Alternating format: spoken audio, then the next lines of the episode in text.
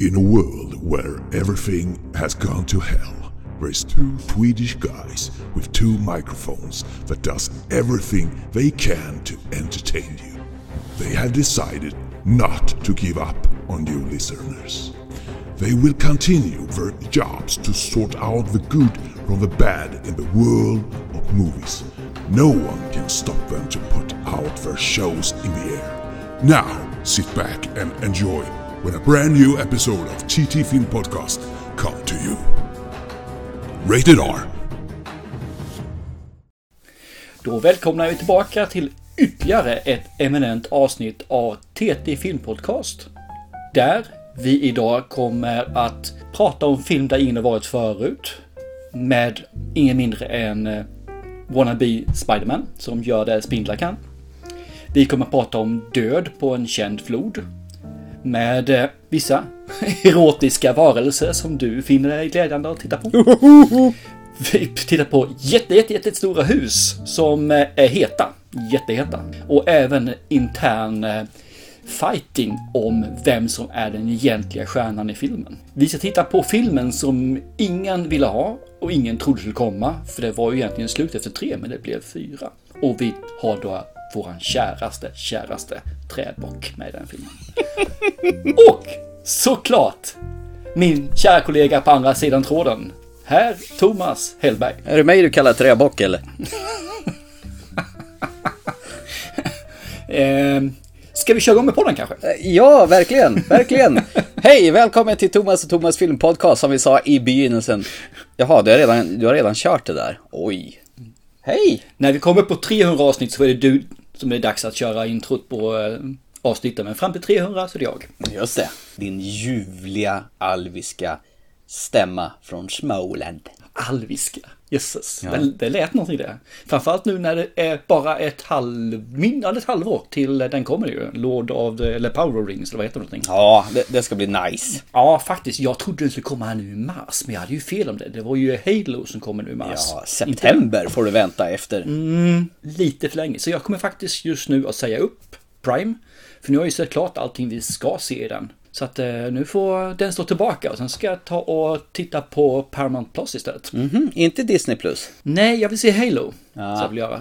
Dock har jag inte bråttom för att de kommer vara så här dumma så de släpper två avsnitt och sen väntar de en månad innan de kör igång ordentligt igen. Va? Vad är det för teaser? Så kan man väl inte De släpper göra? två stycken i mars och så håller de upp i april. Jaha. Och så släpper de i maj. Jag fattar inte varför. Om det är påsken eller varf- varför. Jag har inte den blekaste. Det var en väldigt annorlunda strategi. Maj någonstans där kommer jag att teckna upp mig på eh, Paramount Plus då. Jag vet ju när man var som så här stor konsument av The Walking Dead så var det ju ibland så här att nej nästa vecka kommer inget avsnitt för att nästa vecka så är det någon Super Bowl eller också är det någon, de firar någonting och för då, då blir det inget sånt avsnitt. Men att de håller uppe så där länge. eh, Det har väl i så fall när man gjort säsongsuppehåll. Slutar på hösten och sen börjar det några veckor ledigt Ja. så börjar det på våren igen. Så, men det här, två avsnitt kan ju knappast vara säsongsuppehåll. För då har jag missat någonting här.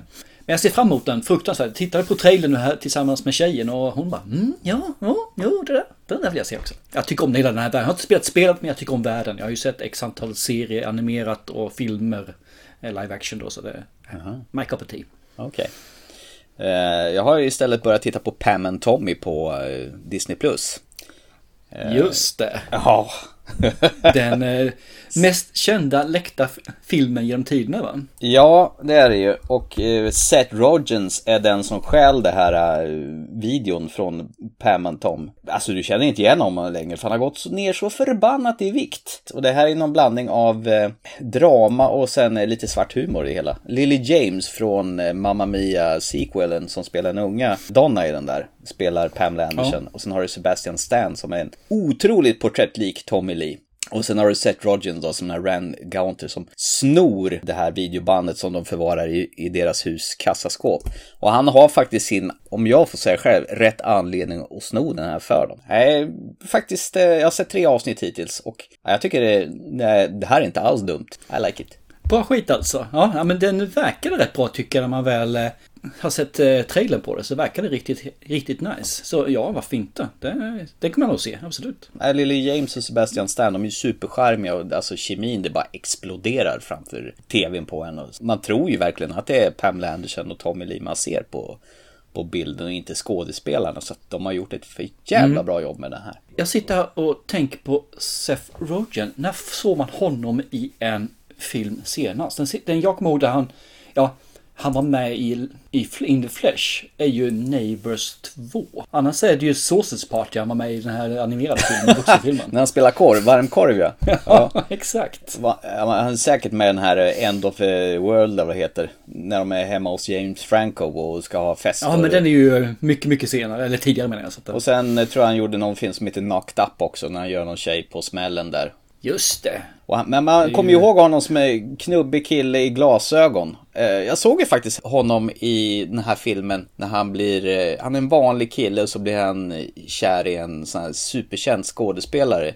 Du vet hon som spelar Furi- Furiosa bland annat. Hon den blonda. Aha, okej. Mm. De var ett jätteomaka par. Men där såg han också ut som sig själv. Och i den här filmen har han ju, jag vet inte vad han har gjort. Om han har gjort stomioperation eller om han bara haft en jävligt bra PT och, och bantat ner sig totalt. Jag tror de har bra PT, så sen så får de bara äta. De är verkligen övervakade eller mindre. Det är lite koncentrationsläge över det hela. Det är likadant hon den där knubbiga tjejen i, eh, eh, vad heter det, Bridesmaids och eh, Ja, den här de sjunger... Och Pitch Perfect. Ja, just det. Och så vidare. Pitch Perfect ja. Hon är också s- supersmal och super, ja, mager. Men hon verkar ha gjort ett, eh, ett val i livet. Där Ja. hon verkligen har förändrat sig sitt, levnadsvanor alltså, totalt om jag såg det rätt. Rebel Wilson att, heter eh, hon ju. Ah, okej, så är det. Och sen har du Jonah Hill som har, verkar jojo åka upp. Ena filmen är jättesmal, andra filmen är Mm. lika rund som man brukar vara. Precis. Han är ju en sån där tror jag som inte lyckas med att förändra sitt beteende utan bara gör det för en roll eller för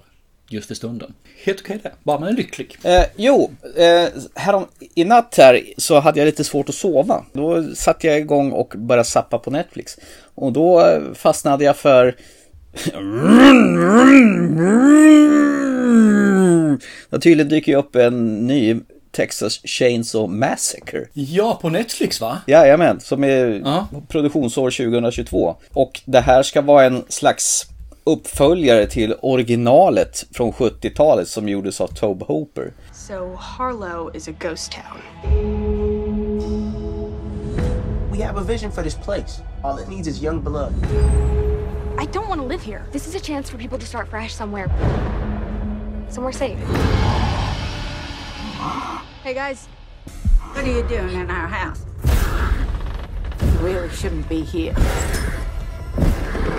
Oh my god. 50 years I've been waiting for this night. Just to see him again. Who? Leatherface.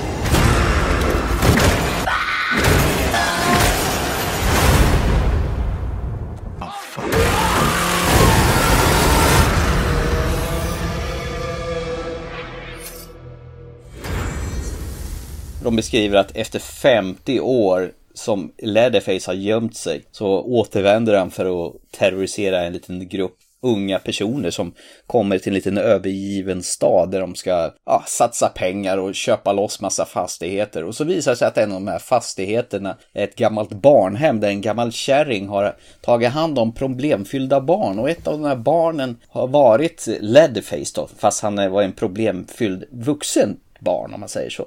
Eh, Och det är Fede Alvarez som har sk- skrivit den här historien. Och vad är han mest känd för? Jo, det är ju de här eh, Don't Breathe 1 och 2 och den här remaken på Evil Dead.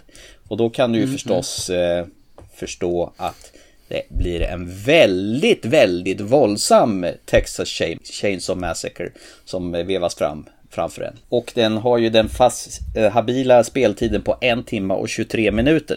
Perfekt! Det som är lite spännande på 70-talet när originalet av Tobe Hooper kom, eh, Texas Chainsaw Massacre, så gjorde det ju det här om videovåld. Det var ju väldigt mycket snack om det där. Det fanns ju ett program som heter Studio S som tog upp det där.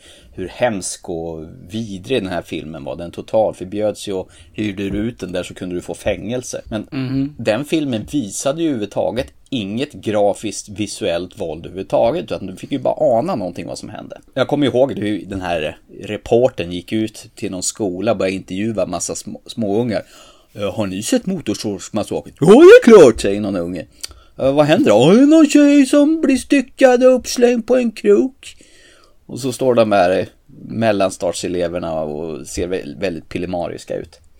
Men, Visst, det har jag hört talas om, inte sett den ju. men skulle, du ha, skulle de ha sett Texas Chainsaw Massacre anno 2022? Det här är ju så våldsamt och blodigt så det finns inte. Med det sagt så tappar ju hela den här filmen charmen med 70-talet. Alltså var sak har sin tid. Jag tycker inte Leatherface och Texas Chainsaw Massacre passar överhuvudtaget 2022. När han ska börja jaga unga tonåringar som han överhuvudtaget inte känner någonting för. Utan det enda man har gått in med den här filmen det är bara för att visa så mycket grisiga, gåriga effekter. Så att man nästan ska vrida ut och in på sig själv. Men det är inte det som är saken. När du gjorde Texas Chainsaw Massacre i på 70-talet så kunde man inte göra så mycket gore på det här viset. Och då gömde man undan det och så fanns så var det ju mer restriktivt också. Idag så är det inga problem. Alltså, det är ju som sagt för du kan ha en 11-årsfilm där huvudet rullar så länge det inte finns blodstänk. Det, går, det, det är en helt annan era. Ja. Det går liksom inte att jämföra. Det här var faktiskt en eh, fruktansvärt påse skit skulle jag vilja säga. Men om man tycker det är jättefränt att se huvuden rullar, tarmar rullar, kroppsdelar rullar. Men eh, Okej. gillar man sånt så ja, titta på det här då. Men jag tyckte det här var crap. Texas Chainsaw Massacre, en timme och 23 minuter, blodig sörja som inte leder till någonting. Så, Nice. Kul. Jag ska undvika den. Jag tror inte ens jag har sett originalet. Ska jag erkänna. har du inte det? Nej, jag tror inte det. Den är ju faktiskt riktigt bra om man jämför. Och det sjuka är att de menar på att vi- producenter som har varit med och gjort originalet som är inblandade i det här. Eh, Det ska vara en av de här tjejerna som är med i första filmen som har typ väntat till 50 år för att kunna hämnas på Leatherface. Så det är en gammal tant som med, med en stor jävla hagelbössa som är ute efter att hämnas på Leatherface också. Tänk dig Halloween, Jamie Lee Curtis eh, gamla tant i Halloween-universum så ska det här bli den enda överlevande från gamla eh, Texas Chainsaw Massacre som kommer tillbaka här. Det är en sån här callback. Och de har till och med fått låna lite såna här sekvenser från den gamla. Nej, jag kommer, jag kommer undvika den för det, det brukar inte vara min kopp med te där överhuvudtaget. Så jag kommer undvika den eh, ganska elegant. Men eh, den fick mig att somna in ganska skönt i alla fall efter. Ja, men det är ju alltid bra ju. Då hade den ju sin verkan åtminstone på något positivt sätt.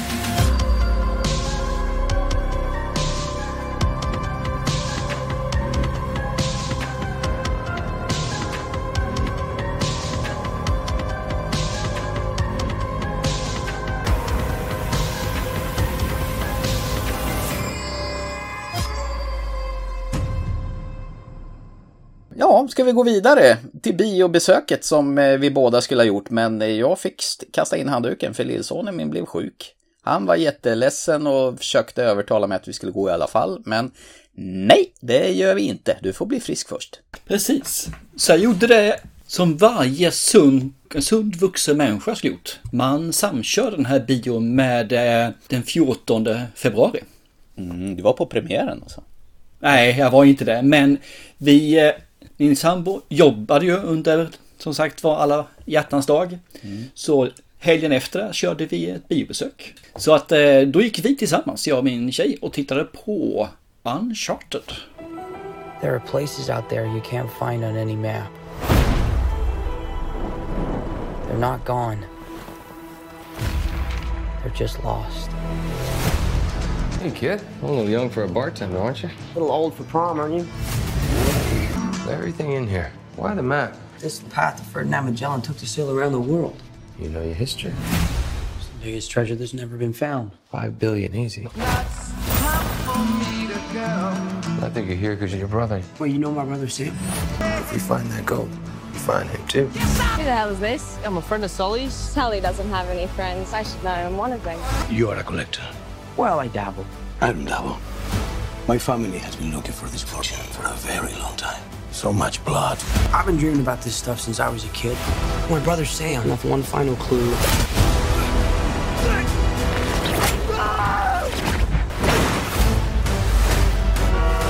Oh,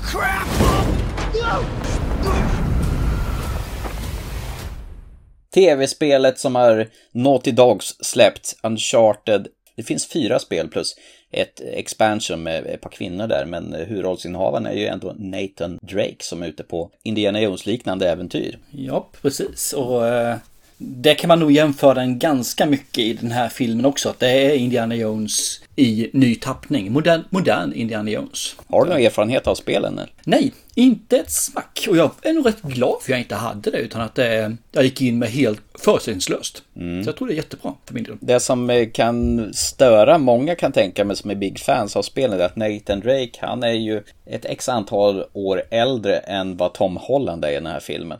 Det här kanske ska vara unga Nathan Drake gissar jag på. Det här är ju, ska ju, det ska ju vara en prequel till spelen, är ju tanken. Mm. Så, så, att det, det är så man har sett på det.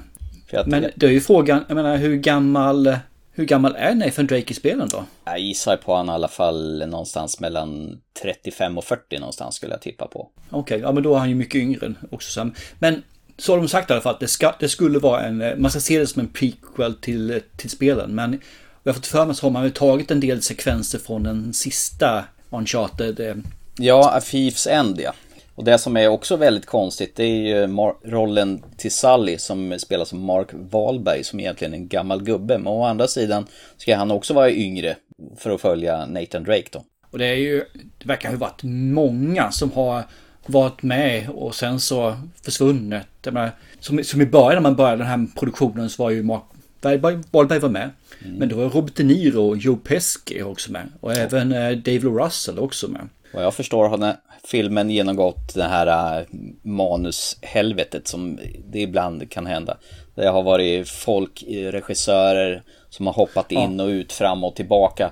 Och till slut så föll regin på Ruben Flesher. Han är väl äh, skyldig till första Venom-filmen har jag fått för mig. Han är skyldig till många saker. Han är med i Zombieland, ettan och tvåan.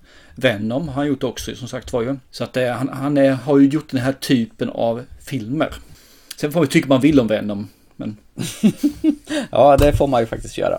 Men eh, det här kommer, jag kommer vara livrädd för att se på den här, för jag älskar ju spelen. Jag tycker de är fantastiska. Mm. I brist på nya Indiana Jones-filmer så har man ju fått leva ut sina, sina perversa fantasier. Nej, med nej, nej, nej. Inte i brist på nya Indiana Jones. Utan det är skönt att Istället inte för då, Indiana Jones. Yes, det är bättre uttryckt ja. Så ska det bli väldigt spännande att se det här hur de överför de här klassiska hoppa, klättra, katastrof, allting rasar efter honom i mm. filmväg. Så att du får vara väldigt försiktig nu när du lotsar mig igenom i dina upplevelser med Uncharted. Så jag ska göra det här som vanligt så spoilfritt som jag bara kan. Mm. Det vi får är ju en början här egentligen när det är då Nathan Drake, alltså Tom Holland och hans bror ska göra ett inbrott på ett museum.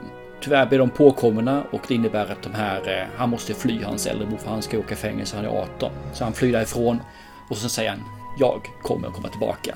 Och så hoppar vi fram 15 år i tiden och givetvis har ju hans brorsa inte kommit tillbaka. Tom Holland jobbar som en bartender som, eh, vad ska man säga, deltidsbartender och deltidsficktjuv. För han eh, stjäl även saker från besökarna på krogen.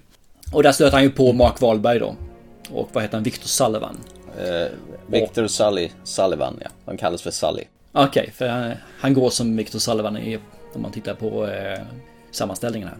Mm. Och han vill ha med honom på ett äventyr. För att han kände ju hans bror då som sagt var. Och eh, här tar det ju fart och det, det man kan säga liksom att det är ju, de är ju ett omaka par på rätt så många plan. De här Mark Wahlberg och eh, Tom Holland. Och bara en sak till. Han är ju fruktansvärt rippad Tom Holland. Han är ju groteskt vältränad. Och det visar han ju upp också som sagt var relativt ofta och mycket. Eh, sen börjar det här gå in och man återigen så börjar man ju se de här likheterna med den här filmen och Indiana Jones. För de har med flygplanet. Mm. Dottade linjen. De har gjort det lite annorlunda mot eh, Indiana Jones. Men det är tydligt att de har tagit ifrån i alla fall. Mm. För de flyger ju del över världen. Återigen Indiana Jones då som sagt. Och de letar efter den här underbara skatten. Från, eh, vad heter han från Magellan. Han som var den första som seglade runt jorden de skulle lämnat den, eller de ska ha liksom en skatt som de skulle ha med sig hem. Det var anledningen till att de skulle få åka iväg på det här då. Som var då finansierat av en jätte, jätterik familj. Eh, Moncada-familjen. Som då givetvis finns kvar och letar också efter den här skatten. Och är då inte de snälla i filmen. Om man säger så. Det låter bekant Så det blir ju ett litet bov. Ja, det är ju det. Det här är ju, totala upplägget är ju Indiana Jones. Totalt Mm. alltså. Raiders of a Lost Ark låter det som. Ja, lite grann åt det hållet. Och så har vi då en eh, henchman där, en eh, psycho-brud som är som är, hjälper till med den här brottslingen då, eh, Antonio, Antonio Banderas då, som är Santiago Mon- Moncada. Och hon är då Braddock. Och eh, det, det är ju återigen elak gubbe, henchman, två hjältar, slitningar emellan dem som sagt var hur de, eh, vad de tycker om varandra och varför de egentligen gör det här tillsammans. Jag ska inte lämna mer om handlingen än så faktiskt. Det här är en äventyrsfilm, det är en matinéfilm, det är en luta dig tillbaka och njut av spektaklet. Det enda jag kan säga om filmen som jag upplever som de stora minusen på den här filmen, det är sugiga CGI-effekter bitvis. Det är två eller tre stycken CGI-sekvenser eh, som är så dåliga så att det är skrämmande alltså. Med tanke på vilken budget den här filmen har haft så skulle de helt klart kunna fixa till det tycker jag. Och sen slarvar de bort slutet tycker jag.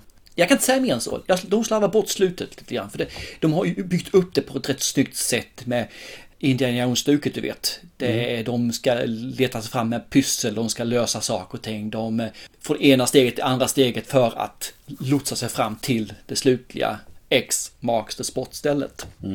Och det är fantastiskt kul och där, även om man inte får tänka till så mycket där heller. Men det är jättekul att se där faktiskt. Sen i slutet så blir det bara, nej, nej det där var inte riktigt bra. Det där skulle de ha kunnat gjort på ett helt annat sätt än vad de gjorde. Men nu gjorde de på det viset och det var synd. jag, jag tänkte säga något annat men jag har slutat lite lamt där kände jag. Eh, filmen är bra. Jag, jag tyckte den här var riktigt trevlig faktiskt. Det är precis det jag ville ha när jag gick in. Jag ville ha en matiné, jag ville ha en äventyrsfilm, jag ville ha fällorna, jag ville ha lite pussel och jag ville ha lättsamt skämt. Och det fick jag rakt igenom här alltså. Det här är perfekt. När du och din son ser det här så jag är till 99% säker att din son kommer älska den här. Sen vet inte jag om du kommer göra det, för du har spelat spelet och jag vet inte alls hur mycket, mycket blinkningar och sådana saker det finns här emellan. Jag vet bara att det var massor som ha- hatade att Hollander fick den här rollen. Han liknar ju inte karaktären alls. Nej, men å andra sidan så ska det vara en yngre upplaga av eh, Nathan Drake. Och i faktum är att i vissa delar av spelet så får man spela Nathan Drake som ung. Jag tror det man, Ja. bland det första man gör i, om det är i tredje eller fjärde spelet faktiskt. Och det, okej, det här du berättar om att de gör inbrott tillsammans, det är också en del av fjärde historien. Hur de hoppar över hustak Ah, och gör, ja, okej, gör inbrott. Och hans brorsa är väl kanske på fel sida av lagen. Så. Spännande, det här ska bli riktigt eh, mums. Det är i alla fall, det är ing, ingen så här dikeskörning som... eh, Nej, definitivt inte. Jag, jag tycker den här håller. Den har ju fått ganska ljumna kommentarer, fast den har 6,7 på IMDB, så det säger vi något. Men jag, de jag har sett så har de varit ganska ljumna, alltså recensionerna för den här. Men jag tycker den här är riktigt, riktigt bra faktiskt. Den, den håller. Det, det är filmmys, om vi säger så då. Och då kommer vi till den stora frågan, stannar du kvar i eftertexten och tittar på post-credit-scenen? Scenerna. Scenerna, är det flera? Pluralis? Japp, två stycken är det. Varav den ena vet jag inte som man kan kalla som post scen men den går som post scen för den ligger väldigt, väldigt tätt inpå. Nästan precis i slutet, när den ena slutet, när filmen är slut så börjar post scenen den första. Och sen kommer det en sen då eh, långt, långt in i filmen, eller i texterna. Så att eh, jag stannade kvar och eh, man kan säga om dem är väl att de hintar väl om en fortsättning, att det kommer en tvåa. I alla fall finns det möjlighet till den. Båda post scenerna gör det. Det är krattat för en sådan. Det beror väl på hur väl mottagen den här blir och hur mycket den spelar in. Och som jag... Har du sett trailern? Eh, ja, den har jag väl sett otaliga gånger. Mm. För de har ju trailat den rätt många gånger när vi varit på bio och sett andra filmer. Så har ju den här gått ganska hårt. Bland annat eh, när han eh, ramlar ut från ett flygplan och hänger på ja, massa rep. Ja, det, det är faktiskt introt, är den första scenen i filmen. Så Jaha, är han hänger okej. där. Är det typ som en eh, sån här förhistoria alla James Bond eller? Nej, utan han börjar i mitten, slutet av filmen. Gör ju en scen, den här klassiska du vet. Jaha, okej. Okay. Och så backar och sen man tillbaka. så bara hoppar man tillbaka och så kör man filmen fram till den scenen igen. Och sen fortsätter filmen efter det då. Men usch vad jag har svårt för sånt här. Och likadant när man börjar med slutscenen och så ska man backa typ en vecka tidigare eller två veckor tidigare och där hoppa fram och tillbaka. Jag, har, jag är jätteallergisk mot sånt. Jag vet inte varför. Ah, okay. Utan jag vill, jag vill Ja. ha en stringens från punkt A till B. Eller och sluta på C utan att det ska hålla på och krångla så här fram och tillbaka. Alltså det här gör ingenting så sett. Det är faktiskt eh, lugnt. Mm. Så att eh, haka inte upp dig på det att den bara där. Det är ju mer bara för att köra igång och engagera publiken i det här fallet. Det har ingen som helst betydelse annars. Nej, men eh, tyckte damen din också om den här då? Ja, men det gjorde hon. Absolut. Vi tyckte båda om den. Vi satt ju på mat, lite mat efteråt och pratade om den. Och, nej, men vi tyckte den var gullig. Det var liksom en... Ja men gullig film alltså. Nu skulle hon hata att jag säger gullig, för när jag säger gullig i vanliga fall så tycker hon att det är bara konstiga filmer. Men nej, men jag tyckte faktiskt den, eh, den höll väl måttet alltså. Det, det, det här är ju Indiana Jones 4 som det egentligen skulle varit. Vad kul att höra. Ja. Så, så jag säger nog det att är du inte, nu kan jag inte tala om det, är du hardcore-fan av Uncharted så kan jag tala om om du ska se den eller inte. Men bort med dem. Tycker du om matinéer, tycker du om äventyrsfilmer så tror jag att i stort sett alla tycker om den här filmen för den är så pass bra. Tycker du inte om matinéer och inte vill ha det här för du, för du tål inte plot holesen som finns där ändå. Ja, då, då ska du se något annat, vad säger, som pianot eller den engelska patienten kanske. Mm. Det är gott nog för mig.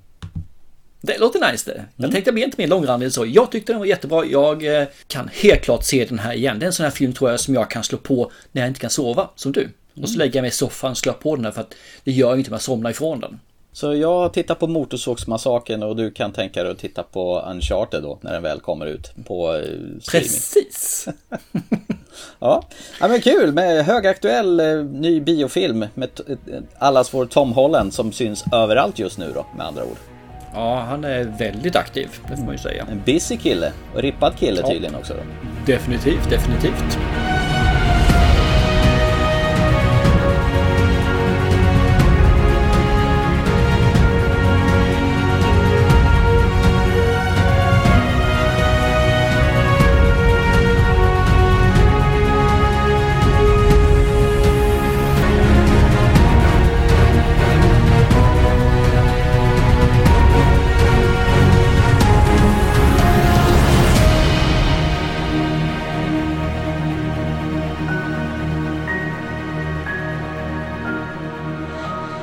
Sådär då. Ska vi gå från en biopremiär till en annan biopremiär då? Jädrar vad vi har sprungit på bio här på sistone. Jajamän. Mm. Och det här är en film som har blivit framflyttad ett x antal gånger här och bara jag såg posten på den här så började jag ju dregla. För längst fram så står ju fantastiskt vackra ögongodis Gal Gadot med resten av casten i Kenneth Braganats Agatha Christie-adaption av Döden på Nilen. Ladies and gentlemen, please welcome the newlyweds, Mr. and Mrs. Simon Doyle. You must meet Hercule Poirot. My congratulations, madame. Merci. He's only the greatest detective alive. I suspect you invited me for reasons other than the fun. You had something to hide. We have the Karnak all to ourselves, a chef and enough champagne to fill the Nile. Should have hidden it, shouldn't you? When you have money, no one is ever really your friend.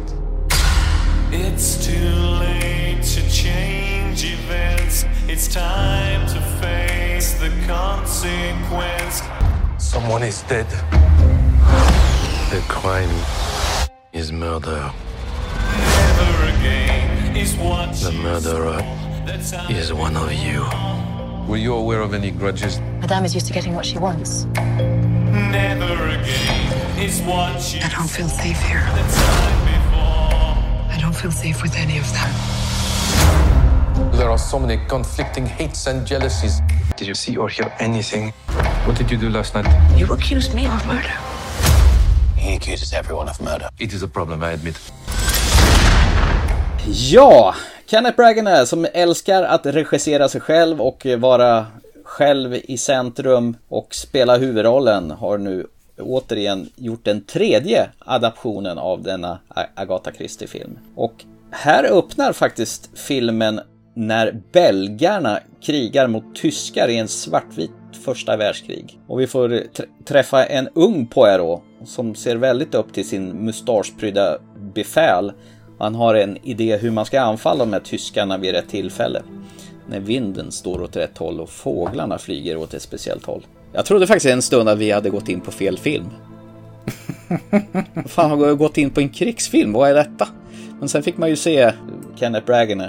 Han måste ju ha blivit sån här de-aged eh, digitalt, eller vad tror du? Troligtvis. Ja. Troligtvis, ja. Men det här är svartvita krigsföräventyret. Jag tycker det sätter lite tonen för en mer allvarligare Hercule Poirot mordmysterium än vad vi har sett tidigare. Mm. Däremot förstår jag att han, om man går på novellerna där han är med, så är han i det här fallet 30 år yngre än vad han egentligen är i novellen. Mm. För att här, han var gammal gubbe liksom vid kriget. Okay. Han 40-50 år någonstans där. Ja, det är väldigt gamla noveller. De är ju skrivna. Den här tror jag är skriven 1936 så den har ju några år på nacken. Sen i alla fall så kastas vi fram i tiden och då är den här lätt efterrättstokiga Poirot som bara kan äta sex efterrätter och inte sju för att det ska vara ett jämnt tal. Eh, han befinner sig på en fest där det här kärleksparet Simon och Jacqueline, de har fest. Och sen dyker Jacquelines bästa vän Linné. Hon är någon slags rik arvtagerska. Och hon lägger minsann beslag på Simon mitt framför ögonen på Jacqueline. Sen spolar vi fram i tiden igen och då har Linné och Simon och de firar sin smekmånad på en båt mitt på Nilen i Egypten då och bjudit in ett antal gäster. Och så har även eh, Hercule Poirot dykt upp där och plötsligt så hittar man Linné mördad i sin hytt och när Poirot som börjar nysta i det här fallet då visar det sig att i princip alla ombord här de verkar hata henne. På ett sätt eller annat ja. Och han har en hel hög med misstänkta under tiden medan båten tuffar fram över det stilla Nilenvattnet. mm. Ja, det här är ju en riktig ensemblefilm. Och vi får ju till och med en förklaring till varför han har mustasch. Ja, det får man i det här mm. svartvita pre-adventure historien där. Jag köpte det, gjorde du det? Ja, jo, ja, ja, jo, men det kan väl göra då. Mm. För sakens skull. Det är ju en, en som sagt en välfylld rollista här. In, innan vi går in på det, tyckte du om den förra, eh, Mordet på Orientexpressen, som också Kenneth Branagh regisserade? och spelade sig själv? Eh, nej, inte jättemycket faktiskt. Jag tyckte den... Eh, nej, jag tyckte inte den var så jättebra faktiskt. Varken slutet eller karaktärerna så sett. Så att, och sen så ska jag lite erkänna att jag har ju haft lite problem med Hercule Perrault även i de tidigare serierna och sådana saker. Jag tyckte han var trevlig eller kul på det viset. Nej. Nej, nej jag tyckte inte den var... Den, den var snäppet under godkänd för mm. mig. Jag kan hålla med om det. Även fast eh, den var ganska snygg att se på. Så tycker jag nog att vi får här Döden på Nilen. Ah, se bara på posten alltså, den är ljuvlig. Och vilken fantastisk färgsättning det är på in i minsta detalj. Visst är det en gammal klassisk eh, poster va? Det, ja. det är nästan lite 40-tal, 40-50-tals klassiker fast i färg. Visst är det så. Och alla står samlade där och ser väldigt bestämda ut på bilden där. Och lite grann i, i formation efter kändhet i filmen också. Vad tänkte du på det? Så är det säkert. Men jag skulle säga, däremot så tycker jag att eh, Hercule Poirot-karaktären, han har väl varit en sån där liten eh, lustig figur tidigare när inte Kenneth Branagh har visualiserat honom. Och i mm. förra filmen så fick han ju inget riktigt djup, men här någonstans så gräver ju ändå Kenneth Branagh i eh, karaktären Hercule Poirot och ger honom faktiskt lite bakgrundshistoria. Gör honom lite mer mänsklig än tidigare. Mm. Det tycker jag är ett rätt fint grepp här. Men annars då så har vi ju en riktigt diger eh, skådespelarensemble här. Vi hittar ju Annette Benning, du hittar ju Russell Brand som eh, brukar vara en sån där komikergubbe men är en allvarlig doktor här. Eh, du hittar ju Tom Batesman som spelar hans gamla vän Book. Ja, det är en hel driva med kända skådespelare här. Men den som satte mig mest huvudverk i den här filmen det var Emma Mackey som spelar Jacqueline. Mm. Jag tror det är bra länge att det var Margot Robbie. hon är lite snarlik Va? Margot Robbie. nej. Jo! Jag sa det. Är det hon? Är det hon? Nej, det är inte hon. Är det hon? Jo. Nej, nej. Men så i alla fall så visar det sig att Emma Mackey, hon är med i den här serien Sex Education på Netflix. Så nu måste jag börja titta på den. Såklart du ska. Ja.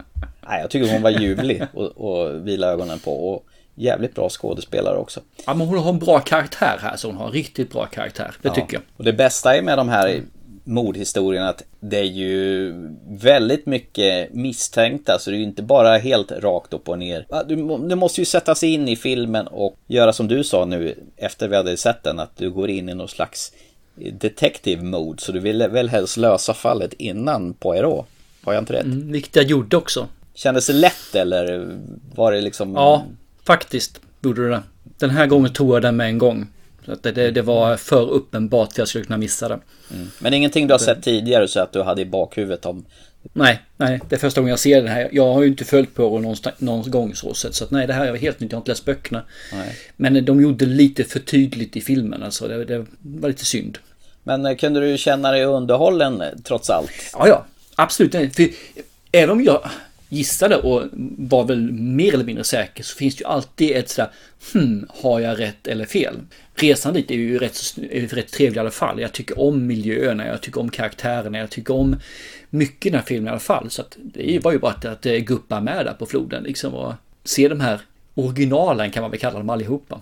Ja, jag satt och mös. Jag älskar den här setpisen när de åker runt på Nilen här och så besöker de de här berömda ställena där de besöker ju... Konungens dal och sådana här saker. Ja. Den är ljuvlig att titta på. Alltså, det var som att vara en riktig godispåse till film det här. Och att eh, Kenneth Bragger tar den här för övrigt torra karaktären Hercule Poirot, mästerdetektiven och gör någonting djupare med honom. Det tycker jag bara är härligt faktiskt. Det enda jag tycker är lite synd är ju så att det, det har jag återkommit till flera gånger. Jag tycker det är jättesynd när folk eh, spelar huvudrollen och regisserar. Mm. För det är svårt att regissera sig själv. Och jag tror att han hade kunnat göra mycket bättre om han hade antingen skådespelat eller regisserat och försökt få in det på någon annan. Det blir så fokuserat på honom. Mm. Och man bygger inte någonting på någon annan. Och det är inte bara att han är med i bild ofta, bla bla bla så här. Utan det är verkligen det att det blir verkligen att man känner att det är den här, jag, inte bara karaktären, utan jag är den viktiga. Mm. Och det tycker jag är lite en sån här minuspoäng faktiskt för den här filmen. Kanske är så att Kenneth Bragner har ett lika stort ego som Hercule Poirot. Ja, så kan det vara. Ja. Absolut. Att han delar den känslan där. För att han pratar ju om sig själv att han är den här otroligt den bästa av alla. Och han, mm. när han sätter igång och tänker efter och han ser varenda liten detalj. Det gör han ju faktiskt där. Han är ju som Sherlock Holmes. Han verkligen pinpointar sm de små detaljerna här. En trevlig film tycker jag, helt klart alltså. Och sen tycker jag ju om faktiskt slutklippet. Ja, just det. Precis det, man gör liksom det ska inte säga vad det är för någonting, men den tycker jag är vacker faktiskt. Tycker mm. verkligen om det. Den är väldigt vacker. Och jag gillar även slutslutet också. De har en rätt så nice touch som binder ihop eh, själva början med slutet. Och det gillar jag. Ja, ja, ja. Då kan jag väl ge dig lite så här eh, grädde på moset nu tänkte jag säga. Mm. Det är ju faktiskt att eh, du kommer ju se mycket mer här av Gal Gadot. Hon kommer ju faktiskt vara med i Cleopatra. Ja, just det. Som Patty Jenkins ska regissera. Vad jag hade hört. Ja, och sen ska komma det med Wonder Woman 3 också, som sagt var. Mm. Och sen kommer hon ju vara The Evil Queen i Disneys Snövit. Ja, hon ska, hon ska, vara, hon ska vara ond! Japp. Alla tror jag sådana här vill väl spela elaking någon gång. och sen göra ett djup då i elakheterna. Eller något sånt där. Du vet om att den här filmen inte gick upp i vissa länder där i eh, Mellanöstern? Uh, nej, det visste jag faktiskt inte. Hon är från Israel. Och hon har ju varit soldat tidigare och under den perioden så har hon väl sagt icke-diplomatiska ord om man säger så, som inte har tolkats så bra av eh, vissa länder och personer där. Mm. Så då är den här filmen bannad på grund av henne. Taskigt för dem då? Ja, jag kan väl säga så här då, om man gillar ett mordmysterium med sån här Who's Done It, sån här klassiskt, som åtminstone jag sitter och myser i, i biofåtöljen och, och sitter och fnissar förtjust, så är det här en riktig gottepåse till film och den gjorde sig väldigt, väldigt bra på stor duk. För det är väldigt visuellt vackra vyer som sveper ut över egyptiska nejderna. Vet du vad Thomas? Mm. Det här är nog en av de få filmer du har tyckt om i år. Men det är ju en sån här film, jag vet precis vad jag får. Någon blir mördad och det är massa Ah, misstänkta. just det. Och det är någon som ska utreda det hela. Det är ju toppen. I love it. A till B. Och sen eventuellt till C då. Ja, men det är helt rätt. Inte alls krångligt. Inget konstigt alls.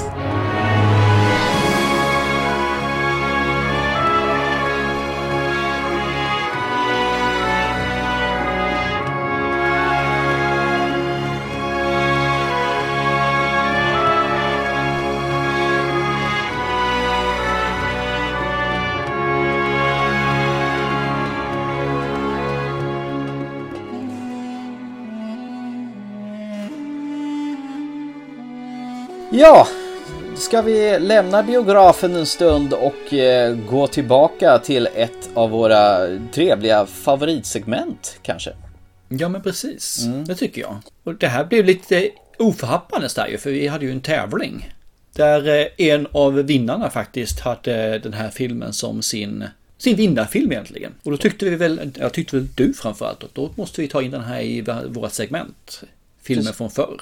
Och det här var ju Mikael Härdiks fel eh, att vi pratade om. Han som var en av vinnarna i våran förra Moonfall-tävling. Mm. För han, minsann, han eh, hade Skyskrapan brinner som sin motivering till att vinna när vi hade tävlingen Katastroffilm från 1974. Som han anser Precis. är världshistoriens bästa katastroffilm. Och han har en ganska lång förklaring här som vi kanske inte behöver gå in på. Så i segmentet Återtiteln Filmer från förr som vi nu ser med äldre ögon. ska vi nu gå in i The Towering Inferno. Steve McQueen and Paul Newman race against time as one tiny spark becomes a night of blazing suspense. It's out of control. And it's coming your way. Warner Brothers and 20th Century Fox present Irwin Allen's production of The Towering Inferno. Steve McQueen, Paul Newman, William Holden, Faye Dunaway, Fred Astaire, Susan Blakely, Richard Chamberlain, Jennifer Jones, O.J. Simpson, Robert Vaughn, and Robert Wagner. The Towering Inferno. Those people are gonna die up there if something's not done. I want you out of here. So you can stop worrying about me. What about me down there worrying about you? I'll never let you go anywhere without me again. I'll be back with the whole fire department. Now, the producer of the Poseidon Adventure brings you more spectacle, more stars, more suspense than you've ever seen in one motion picture. This is a race against time to save hundreds of people trapped in a night of blazing suspense as the world's tallest building becomes the towering inferno. Och bara som en liten fotnot där också. Eh, Eftersom Mikael föreslog en film, eller föreslog, han hade tagit en film som vi nu kommer ta upp i podden. Så har han ju också fått ett litet eh, filmpaket skickat till sig. Så alla som tar upp en film som säger den här vill vi, den här tycker vi. Och så får den med den i podden. De får filmer. Så jag hoppas att han har fått filmen nu också faktiskt. Och att han kan eh, verkligen njuta av den. Just det. Skyskrapan brinner då, från 70-talet. Visste du förresten att det här var en av de, en film som väldigt länge på 80-talet visades efter tolvslaget på nyårsafton som så här första film. Ja, jag eh, läste på det också faktiskt. Jag visste inte det innan. Men eh, ja, jag fick se det när jag läste på om, filmen idag. Ja, typ vid tolvslaget efter raketuppskjutningen, då körde de den här. Så, att, så man kom ju inte säng framåt eh, tre, halv fyra innan den här filmen var slut. Nej, den är ju inte kort om vi säger så. Vad, vad var det första bekantenskapen med den här filmen för dig? Eh, det var tv tidigt som attan i åldern där. Så det här var nog en 11-årsåldern kanske. Mm. Någonstans jag såg den första gången. Och sen så har vi sett den flera gånger, jag och min brorsa. Mm. Han tyckte den var skitbra och jag tyckte också den var jättebra. Så, så att, eh, sen såg man den här några gånger, men jag har ju inte sett den här på kanske 30 år. Hade du något minne av den nu när du såg igång den? Eller var det som en helt ny film eller blev det lite lucköppning? Jag visste ju hur slutet var. Det är som vanligt, det gör ju du alltid. Eh, sen kommer jag ihåg en hel del sekvenser. Däremot kommer jag inte ihåg hur långt eh, själva, introt till filmen är innan den kör igång. Innan det börjar brinna menar du eller? Ja, precis innan shit hits the fan. Så det kommer jag inte ihåg. Men eh, sen är det många av sakerna faktiskt som jag... Jag kommer en hel del av sekvenserna i alla fall. Som till exempel den, eh, den här brandstolen och eh, Som är lite senare i filmen och även de här explosionerna som går då. Och även rummet som Mm. det börjar rim- rinna, ringa, brinna i. Däremot så har jag, har jag läst på lite med saker som man inte fattade liksom innan den här stora fighten som det var mellan Paul Newman och Steve McQueen då. Mm, De var väl ärkerivaler egentligen. Vem som skulle få mest speltid och mest repliker och vem som skulle ha sitt namn överst. Ja, förstod jag det rätt där så var det nog Steve McQueen som hade en fight med Paul Newman och inte tvärtom. Var, han hade ett större ego med andra ord. Japp, för i början så hade ju Paul Newman mer repliker än vad Steve McQueen hade. Så det gick han ju i taket på. Nu ska ha lika många. Och det gick ju Paul Newman med på. Problemet är bara att Paul Newman är ju med i början och pratar ju ganska mycket. Så när han väl Steve McQueen kommer in och börjar brinna, då har han ju förverkat halva sina repliklager. Så då gick det inte han så mycket att göra efter det ju. Om man jämför. Det ju, han verkar vara jättetöntig Steve McQueen i det här fallet. I alla fall har jag läst på om det här då. Det är ju sådana här saker som att han hade sagt upp, nej ingen ska få träffa mig under inspelningen. Jag ska vara helt, ingen får komma in liksom. Från folket. Medan Paul Newman sa, nej men inga överraskningar så är jag helt nöjd med, för jag bara reda på det innan. Så att han verkar ju vara den som är mer eh, empatisk och gulligare om man säger så, än Steve McQueen som verkar vara ett rabiat ashål egentligen. Ja, jag- tycker ju faktiskt Steve McQueen är en ganska träaktig skådespelare så jag förstår inte varför han har fått så stor cred genom åren. Eh, Visst, han har gjort den här Bullet, han har gjort den här The Great Escape och han är ju känd för att göra sina egna stunts själv. Han ska köra bilarna själv. Han ska liksom Mm. hoppa över det här stängslet själv med, på motorcykel och sådana saker. Men han är ingen vidare skådis, tycker jag. Eller i Papillon för... Men han är ju från den tiden också ju. Det här är ju en kille som var ju som störst på 50-talet. 50-60 kanske. Men eh, efter det så var det ju inte så mycket. Han var ju på, som jag ser det så var han ju på dekis här på 70-talet egentligen. Inte. Och det var ju en annan typ av eh, skådespeleri då. Det här är ju faktiskt en rätt så intressant grej att både Warner Brothers och 20th Century Fox hade ju köpt loss rättigheter till två olika noveller. Den ena Mhm. hette The Tower som Richard Martin Stern hade skrivit och den andra vad heter The Glass Inferno som heter Thomas N. Scartia hade skrivit. Så istället för att det skulle bli två liknande filmer under ett och samma år, som det ibland händer, eh, anmärker Armageddon, Deep Impact, Volcano, Dantes Peak, du vet, när, när de kommer i par. Så slog de ihop sig och delade på kostnaden för att göra den här filmen och gjorde en film istället. Det är väl första gången de hade ett samarbete också här för mig va? Visst är det så? De här två studioserna är väl inte allt för ofta att de jobbar tillsammans. 20th Century Fox och Warner Brothers. Men eh, den här gången gjorde de det. Det är ju bra. Det här var ju en, eh, en storsäljare. Det här var ju en blockbuster på den tiden. Ja, jag tror det var den mest inkomstbringande film det året som, som släpptes. Den som gick bäst 1974. Så, eh, följt av Earthquake som bara släpptes månaden efter. Också en sån här katastroffilm om en jordbävning. Mm. Den har jag faktiskt inte sett. Har du gjort det? Nej, inte jag heller. Nej, det har jag inte gjort. Nej. Det är en väldigt lång öppningssekvens där med när helikoptern börjar flyga och när man får se vilka som har huvudrollen. Och jag kunde inte mer än bara säga, den här flygscenen är ju The Wicker Man. Ja, du menar att du får förtexterna medan någon är ute och flyger? Precis. Fast han åkte flygplan istället har jag för mig. Ja, istället för helikopter. Precis, en Ja. sån här som landar på vatten och det andra. Men jag tyckte ändå bara, hmm, Wickerman. Okej. Du eh, glömde först säga, vi har ju även O.J. Simpsons med också här ju. Ja, du har ju en hel driva med kända face i den här filmen. Ja. Men jag, jag bara tänkte på O.J. Simpsons, det går inte att se på O.J. Simpsons utan att tänka på nakna pistolen. Nej, verkligen inte. Man förväntar sig bara att han ska ha jättebarr och fastna i dörren när han ska gå ut. Ja, precis. Ja. Eh, nu, jag ska ta en sak med dig bara, bara som en tanke. Ja. Den här filmen har exakt samma inledning och karaktärer i början av filmen som i en annan stor känd film. Jaha, vad är det då? Skyskrapan brinner versus Jaws. Jaha. Du har eh, borgmästaren i Hajen. Mm.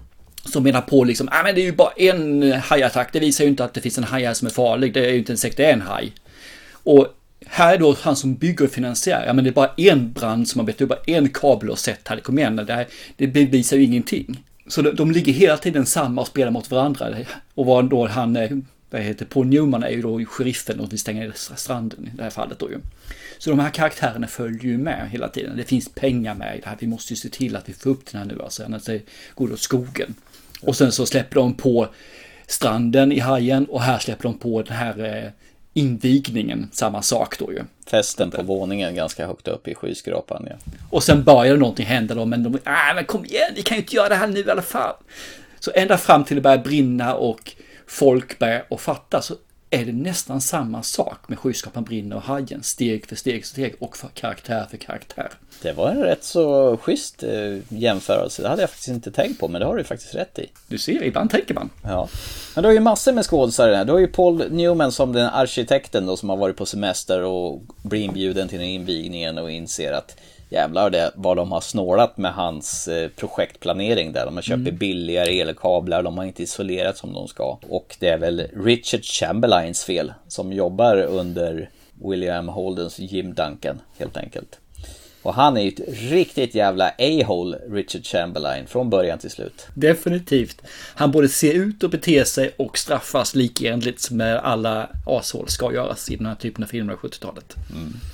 Men Paul Newman, vilket face den där karln har och vilken bra skådis han är. Han är ju skitsnygg alltså. Ja, han är fantastisk. Ja. Jag gillar ju och, även honom i The Sting, den här blåsningen är ju också riktigt jäkla ja, bra precis. Den fick ju jag se på, grund av dig. Ja, det fick du. Nej men och sen har du Faye Dunaway som spelar hans kärleksintresse också. Du hittar även Fred Astaire med här som en lite äldre åldring som solovårare i princip som ska försöka lura gamla tanter av pengarna genom att föreslå falska eh, aktiebrev eller vad det nu är. Ja men precis. Mm. Eh, du hittar Robert Vaughn som senatorn och du har Robert Wagner från Par hjärter med. Och Susan Flannery som man känner igen från eh, The Bold and the Beautiful eller Glamour som den heter. Hon spelade ju eh, hon eh, tanten Forrester. Eh, hon är med också i en roll. Massor eh, med kända face i den här filmen. Så det är en riktig sån här ensemblefilm. Så mycket av eh, stålarna måste väl ha gått till rollerna gissar jag på. Ja, tittar man på Steve McQueen och Paul Newman så hade de ju båda avtalet att de skulle ha en miljon dollar upfront och sen tog de 10% av filmintäkterna. Så att de tog nog mycket av vinsten här alltså, det kan jag tänka mig. Mm. Men eh, filmen löper ju i ungefär eh, två timmar och 45 minuter. Så det är, det är en sån här helaftonsfilm, en tre timmars mackapär. Hur kändes det och fick du genomlida detta eller fann du det underhållande eller var det bara jobbigt?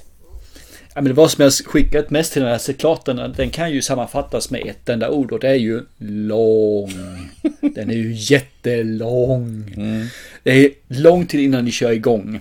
Och sen när det väl kör igång och allting är klart-ish så är den lång där också. Det var ju en annan typ av klippning förr i tiden. Det är ju inte som eh, Jerry Bruckheimer eller Michael Bay. där varje klipp är max två sekunder innan du får epilepsianfall. Utan här tar vi tid på oss på tagningarna minsann. Ja, absolut. Och jag, jag, tycker att den är jäkligt nice faktiskt. Just som du säger hur den filmas. Jag tycker om mycket av de här eh, stegen som filmen tar. För det finns inte några idiotiska saker där. Det kan man ju säga alltså att de hade ju hjälp av New Yorks eh, brandstationer alltså. Så att de var ju där och visade hur man skulle göra och det var ju på plats hela tiden också. Så att det blir ju realistiskt i det här fallet. Sen, sen så eh, är den ju gammal. Skådespeleriet är gammalt. Eh, hur man lägger upp vissa actionscener. Nu ska jag göra sådana här som man ska göra i en podd. Jag gör fnutt-fnutt-tecknen här.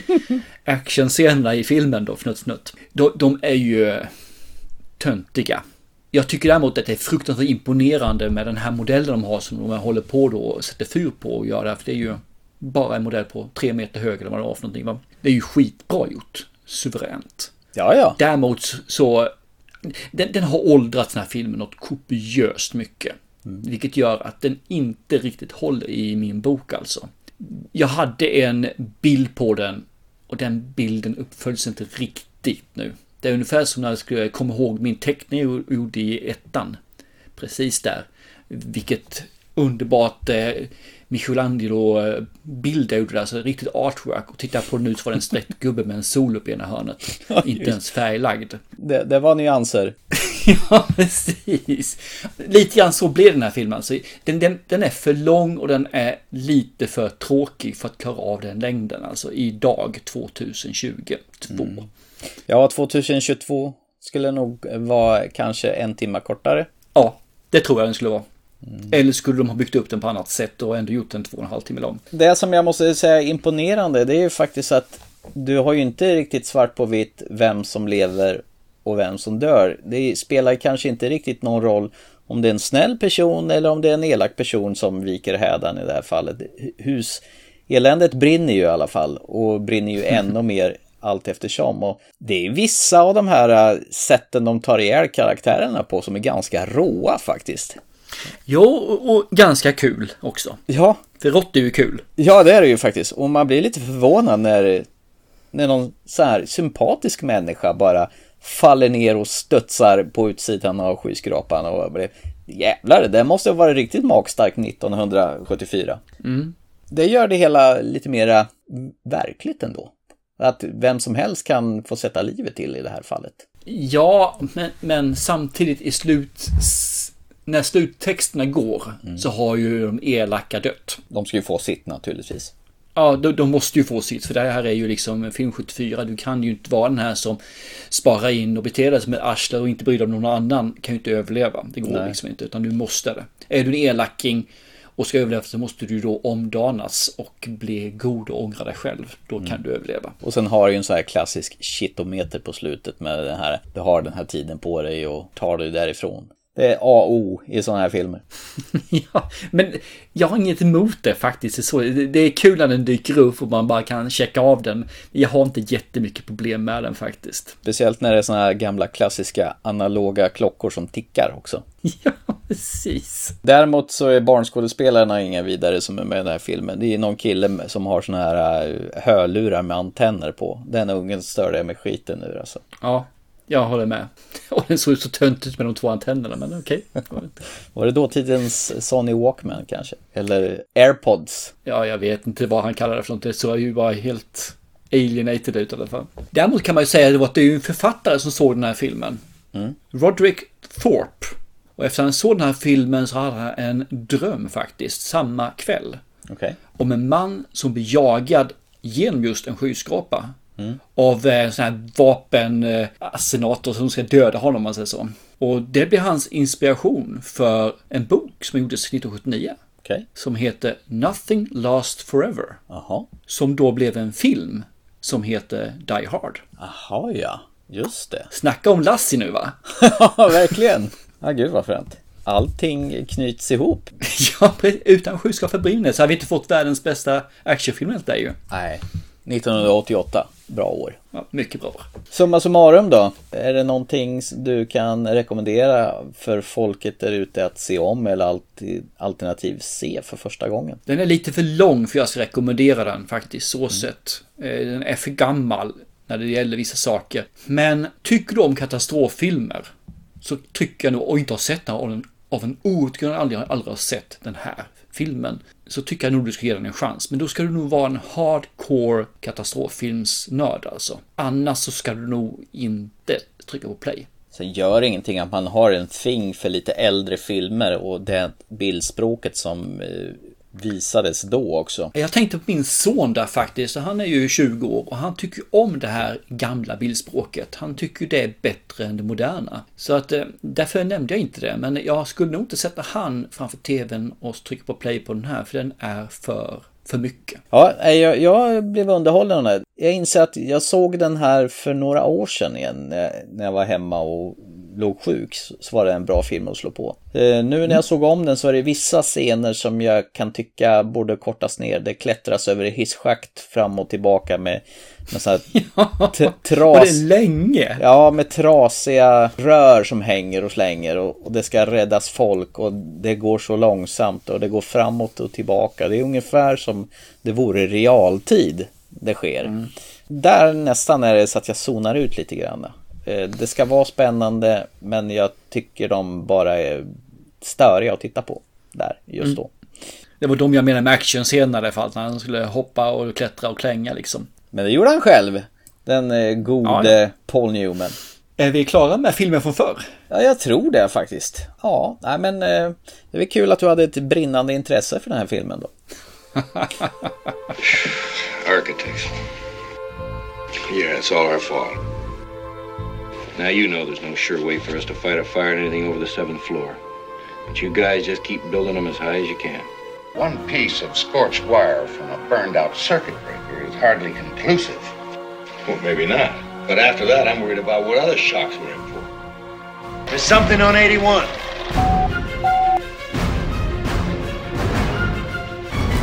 If that fire was caused by fluky wiring in this building, we could get fires breaking out everywhere. For what it's worth, architect, this is one building that I figured wouldn't burn.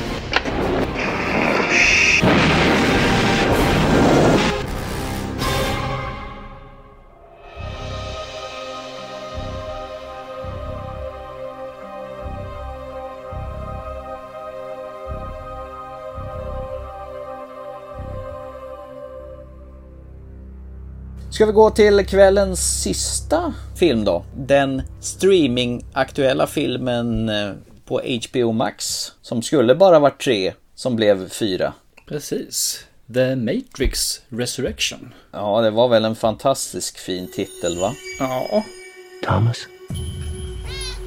You seem particularly triggered right now. Can you tell me what happened? I've had dreams that weren't just dreams. Am I crazy? We don't use that word in here. Why does this feel like a memory? Like I have been waiting my whole life for you. Maybe this isn't the story we think it is. I never believed I was the one. What do you believe? I still know Kung Fu.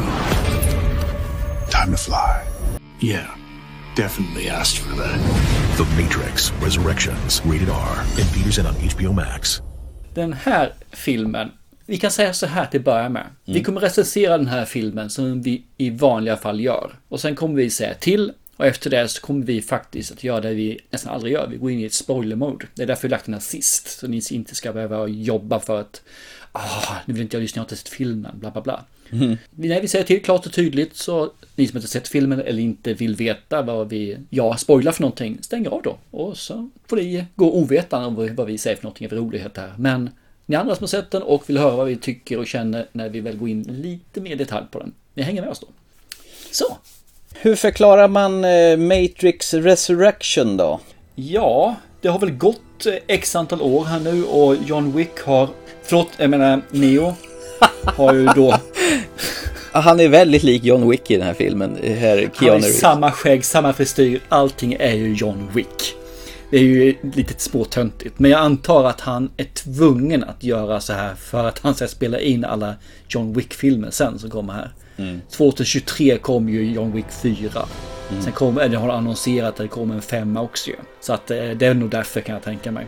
Men eh, han är i alla fall helt plötsligt tillbaka. Men han är inte Neo. Dock är han en programmerare. Men inte på ett företag som där han jobbar som en slav. Utan nu är han då lead programutvecklare för ett spelföretag. Där han har gjort den bästsäljande videospelet The Matrix.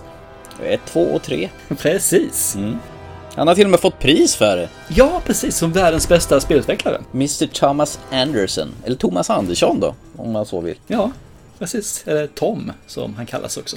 Och eh, vad, ska man säga? Den här filmen är samma film som ettan, men totalt annorlunda. Ja, den börjar ju precis likadant som eh, Ja. första Matrix. Trinity spör upp ett gäng poliser, agenter för att springa ut över hustaken och bli jagad. Fast det är ändå inte Trinity som gör det. Nej, och det är ju inte ens ansiktet Trinity. Nej. Så det är någonting som är off just i den här situationen. För den utspelas på samma sätt fast med vissa förändringar. Ja. Som inte är i ettan. Man får eh, se nästa steg. Folk bete är, fast inte riktigt. Så det är någonting som är off Ja. i Matrix. Och du har ju den här blåhåriga tjejen Bugs eh, som eh, kallar sig Bugs Bunny eller övervakningsbaggen. hon, hon tittar på den där händelsen och menar på att det var här allting började och det var här man upptäckte honom. Nu säger han så här, men vänta, det här ska inte hända.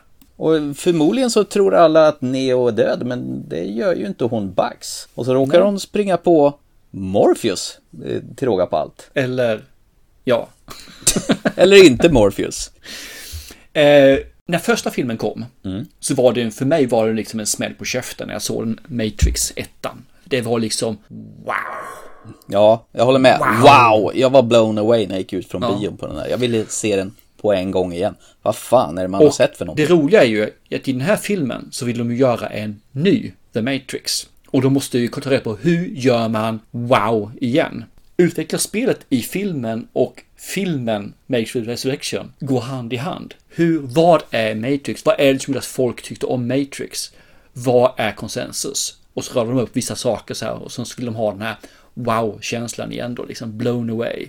Så de, de följer ju varandra väldigt hårt där om man, om man eh, tänker på det. Filmen är svår att ta, få ett grepp om.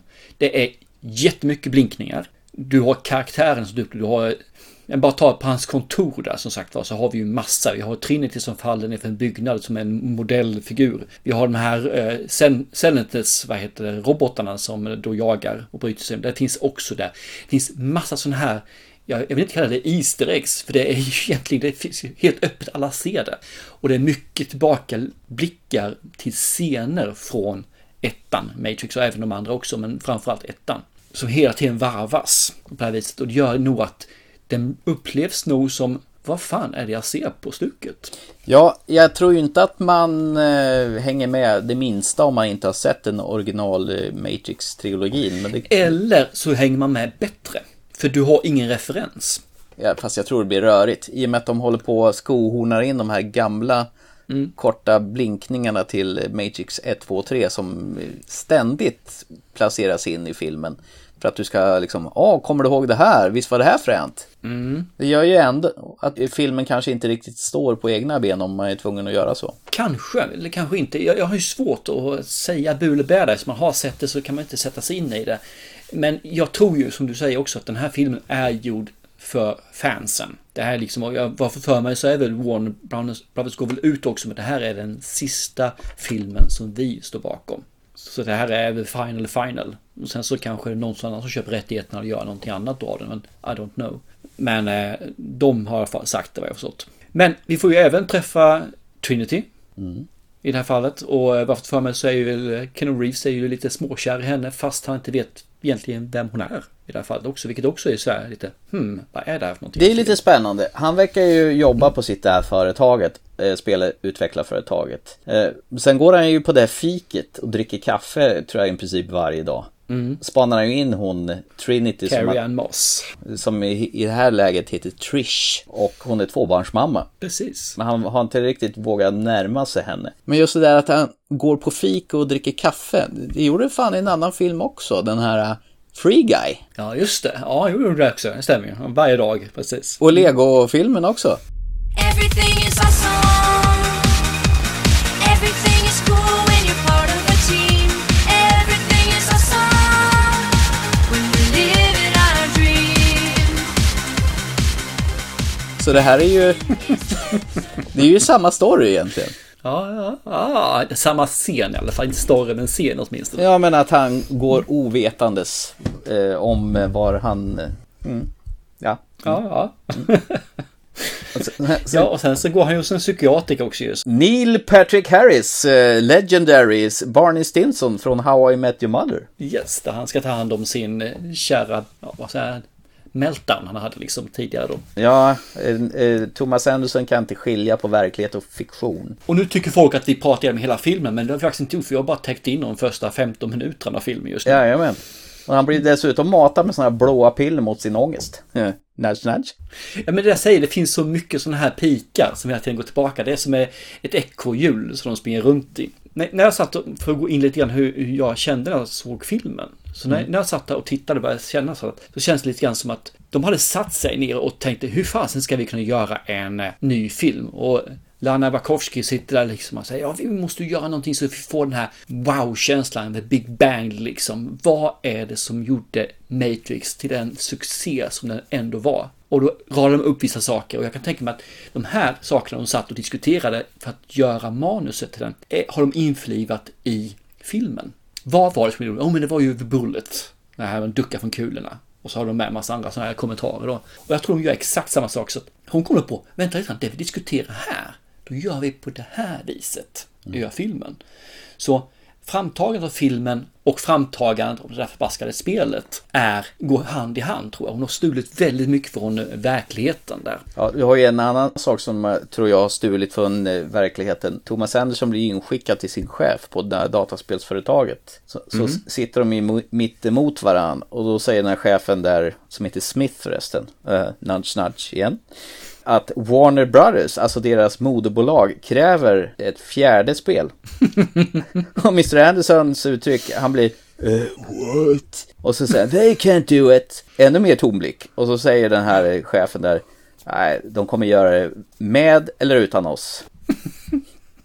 Ja, säkert. Jag, jag tror det också alltså. Så frågan är om det är liksom en direkt översättning, känga till filmbolaget att vi gör lite så här spä av er så att det blir lite meta över det hela. Precis, och det ordet jag tänkte ta upp också, för det känns som att hela filmen är, det här är en metafilm Mm. utan dess like. Det slår man upp eh, ordet meta i en ordbok så kommer det stå en Matrix Resurrection bredvid där. Och jag vet inte riktigt vad jag ska tycka om det, ska jag erkänna. Nej, det, risken är att det tippar över och blir en sån här spoof, eller vad vi kallar på svenska, parodi på sig själv. Och det blir det ju. Det blir en parodi på sig själv, bitvis i alla fall.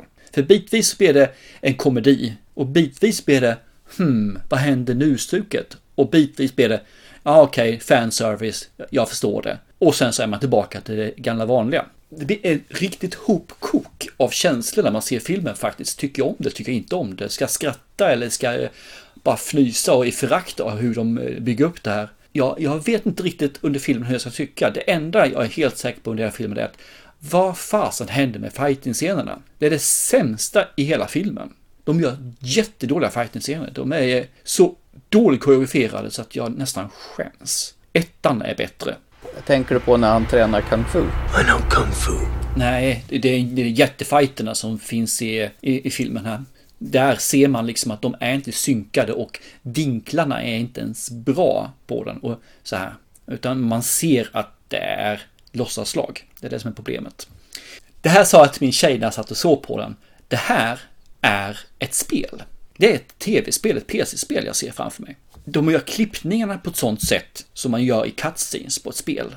Dialogen är stolpig och avhuggen och börjar i mitten, slutar i mitten och sen ska man vidare till nästa cutscene. Och så har man däremellan när man ska spela och göra någonting med, i spelet. Och så kommer en cutscene till. Så jag sa att det här är ju ett tv-spel.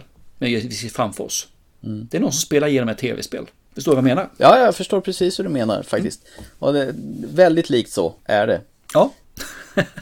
det här med återigen att man eh, trycker in eh, gamla scener igen så. Mm. Mycket sånt är det. Jag, jag, tänkte på det där eh, att det är flashbacks och callbacks. Det ska hända någonting spännande då till exempel att, kommer du ihåg i första filmen Matrix då när han sitter i förhör med Agent Smith hur mm. Neos eller Thomas Andersons mun suddas ut för att han inte ska kunna prata.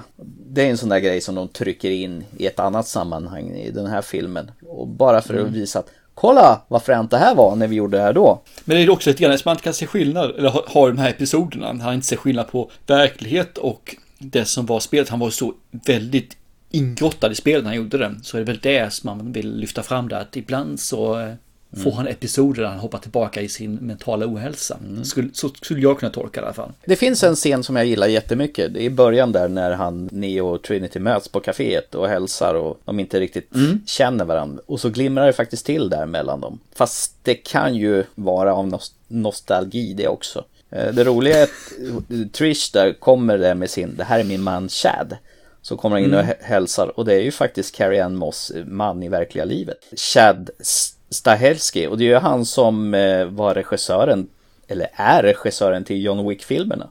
Och tillika Keanu Reeves stunt double på de tidiga Matrix-filmerna. Precis. Vilket innebär att hon är ju egentligen gift med Neo. Egentligen då ju, eftersom hon är gift med, med sin stunt double. Ja, men exakt så. det går runt det där. Det gör ju det. Fast jag har så jäkla svårt med Keanu Reeves och hans döda blick.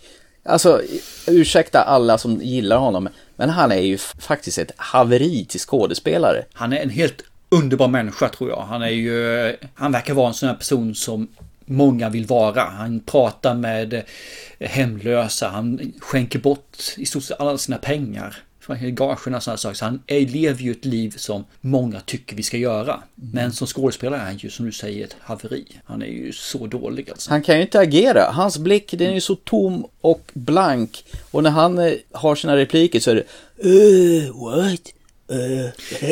Men saken är att jag tycker det passar bra i, i, i Matrix-filmerna faktiskt. Hans jävla eh, nollade ansikte. Så han fattar ju inte vad som händer. Och det han utspelar sig precis det. Han fattar inte. Jag tyckte det var charmigt i första Matrix. Men här när han är gammal gubbe så nej, det, det känns som att han har inte tagit sitt skådespelargrej en millimeter sedan dess. Mm. nej, det kan nog vara så ja. Vad, vad skulle du säga då om, eh, om eh, filmen som helhet då? Vad, vad blir slutsummeringen på det för dig? Jag eh, känner väl att den här filmen som vill vara en fortsättning på Matrix-trilogin. Det känns som en sämre karbonkopia av första filmen. Tänk dig ett sånt här VHS-band som har blivit uthyrt alldeles för många gånger. Som knappt går att se längre på. Kvalitetsmässigt, som blir tuggat i kanten. Ja, det här känns bara en trött upprepning. Och det var som du sa inledningsvis. Filmen som ingen frågade efter, som bara dök upp och ingen ville ha egentligen. Så, så känner jag för det här. Det här var tröttsamt och oengagerande och oh, jag vet inte vad jag ska säga. Eh, Neil Patrick Harris tyckte jag var trevlig att se som psykologen där. ja, men håller jag med om. Absolut. Och sen är det ju rätt tråkigt att eh, varken Hugo Weavings Mr. Andersons, alltså Agent Smith, inte är med. Han var tydligen upptagen på annat håll på teaterscenen. Lawrence Fishburns Morpheus, det må väl hända, men han blev inte ens tillfrågad av Lana Warskowski och var med. Nej, och jag tycker nog att det är helt okej som de byggde upp det på. Så att det, jag kan köpa det. det. Det känns billigt och det känns som en film som är gjord på konstgjord andning och jag känner att jag får exakt samma film igen som Matrix 1 fast hundra gånger sämre. Okej, okay, okej. Okay. Mm. Du då? Nej, jag säger faktiskt inte det. Jag tyckte den här eh, var trevlig. Mest för att det var meta och det fanns en del lyteskomik av sig själv. De, de gjorde sig själva till det här skämtobjektet. Mm. Eh, och sen tyckte jag om det här med just hur de byggde in nya karaktärer som då är samma karaktärer fast ändå inte. Jag säger inte den här håller samma nivå som ettan, men han gjorde ett försök att verkligen göra någonting nytt. Vill du se Matrix, fortsättningen Matrix, göra någonting i ettan om igen? Nej, då är ju det här filmen inte för dig alltså, för det här är inte Matrix ettan en gång till. För här försöker man göra någonting annat som ska bli det här bang. Men du, han, du menar väl hon? Han har ju bytt kön. Det är ju Lena numera. Ja, jag, jag, blandar ihop eh, hon och han hela tiden verkar det som här, men givetvis är det hon. Jag säger både och. Ja. svårt att hålla rätt på det. Säg hen då. Jag, jag, tycker att, jag tycker faktiskt den här filmen är bra, men jag tyckte det var underhållande på ett nästan lite, jag drar på smilbanden sätt. Jag gillar den första stunden i filmen. Det jag tycker var bäst var, det var faktiskt när de sprang på varandra på fiket. Mm. Någon fick en sån här aha-upplevelse att Känner vi varandra på något vis? Då gillar jag filmen. Déjà vu! Ja, déjà vu ja. Men sen, är det, det är ett haveri av större mått här. Vi kan väl ta det mer när vi går in på spoilers kanske. Ja, men det kan vi göra, absolut. Mm. Jag är faktiskt redo för spoilerdelen nu här så sätt. Jag, jag skulle helt klart rekommendera den här, men du ska koppla dig fri från originalet. Du måste göra det. Du ska ha den i, i, ryggsäcken, men du ska inte tänka på att det här ska, det här ska inte vara en uppföljare utan det här ska vara ett avslut egentligen och han vill göra någonting originellt. Hon vill göra något originellt, ursäkta. Jag tyckte den var underhållande faktiskt, trots att den är två och en halv timme lång i det här fallet. Samma som eh, vår kära Eldinferno mer eller mindre. Och det här hade du, hade du inte ont av istället? Nej, faktiskt inte. Nej, ja. Nej, jag, jag, jag tror jag är en av de få som faktiskt tyckte den här var underhållande verkar det som. För de, de jag har hört och läst om tycker det här är eh, rätt så mycket smörja.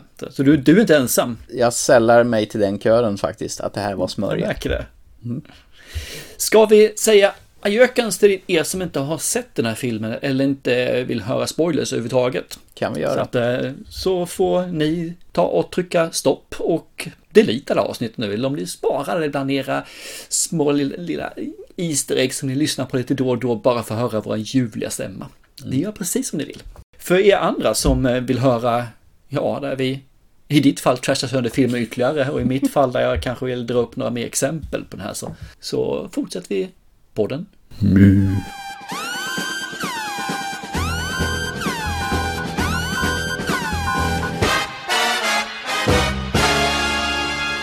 Då så, ni tappra som är kvar och lyssnar här som förmodligen har sett den här filmen då. Ni får väl se vilket lag ni håller på. Lag Thomas eller lag Thomas. Förvirrat blir det i alla fall. Lika förvirrande som den här filmen är.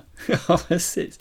Nej, men det, det jag tycker om är just det här med att han blandar ihop en verklighet. Jag känns som att det är verkliga tillverkningen av filmen och verkligheten eller fiktionen tillverkning av spelet och få ihop det här på bra sätt. Eh, jag, jag, jag fann det väldigt stimulerande. Jag kände bara, wow, häftigt, coolt. Sen så att man plockar in Morpheus som en helt annan skådespelare faktiskt ett program till på köpet också, inte en människa. Det, det hade jag svårt med i början och tänkte, vad är det här liksom? Men sen köpte jag det. Triss och de här fikasunder de har tycker jag är ju helt ljuvliga. Jag tycker det är så jäkla nice. Alltså de sitter där och är, lite små tafatta och han vet inte riktigt, är det här sant, är det riktigt, är det verklighet eller har jag en episod nu och håller på och går igenom golvet en gång till. Sådana saker tycker jag ju var helt fantastiskt gott. Sen så märker man ju att de här skådespelarna som då ska vara det här nya skeppet, som då eh, ska vara Nebukasar heter det skeppet i Matrix 1. De är ju unga och de är karbonkopior mer eller mindre, bara 2.0. Och det tyckte jag var ah, okej, lite tråkigt, lite sådär, men, men okej, låt det vara. Sen fattar jag inte varför man ska blanda in den här eh, karaktären, vad heter hon, Naomi? Nej, som en gammal kärring den här gången, som är dåligt sminkad dessutom. Ska- Fruktansvärt dåligt sminkad. Och den här äh, staden Sion som äh, han har räddat en gång eller vad det nu är, som nu är IO. Det är egentligen två bokstäver ur Sion. Ja, och det finns andra saker det betyder också. Det finns ju en jättemassa. Ja, som man inte bryr sig ett jävlaste skit om. Nej, för original Zion har ju dött då på grund av sli- sönderslitningar om man säger så. Ja. Dog inte Trinity i tredje filmen, har jag för mig. Jo, hon dog också. Ja. Hon dog bara två ja. De kraschade ju in där. Hon kraschade, fick ju en sån här metallbjälke genom bröstet. Återigen, ta det blåa pillret eller röda pillret. Eh, Han vaknar upp, han ligger återigen i en sån där jävla kapsel. Och han rycker ur alla jävla slangar, han är flintskallig igen. Och, och sen är det ju egentligen samma film en gång till. Ja, mm, nästan, säger jag. Mm. Lite nästan.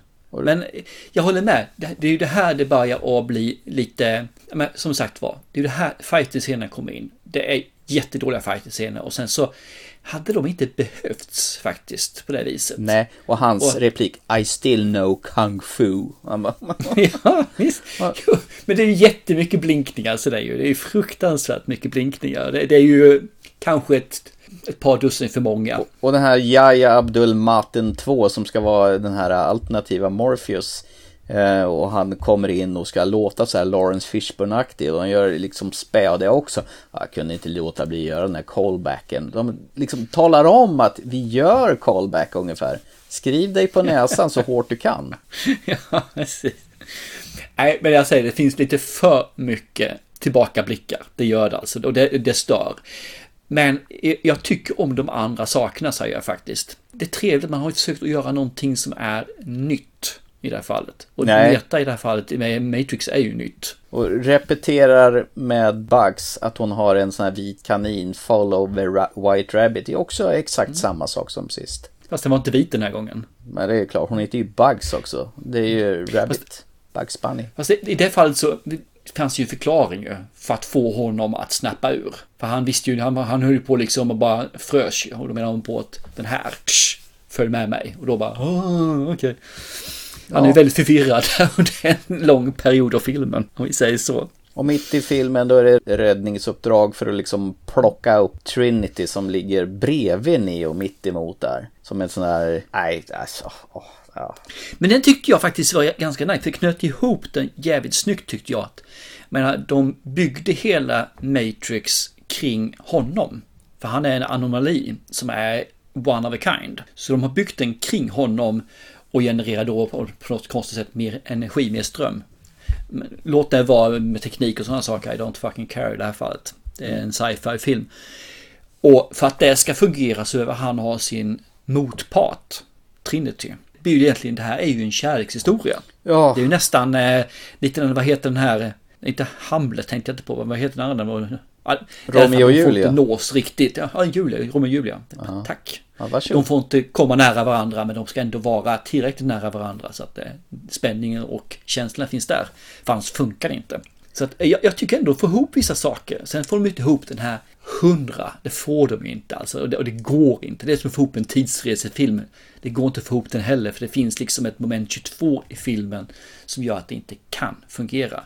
Och det är samma sak i den här filmen. Kommer inte få ihop den. För du har ett moment 22 som gör att du inte får ihop den.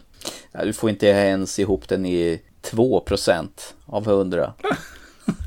Fasen, du låter ännu mer negativ nu än du gjorde när vi pratade innan om det, säga. Du låter mer och mer negativ för varje gång. Ja, och slutet, det var ju så horribelt så det finns inte. Ja, du menar slutslutet med du? Ja, ända var väl roligt att få se Neil Patrick Harris få käken urslagen ur le.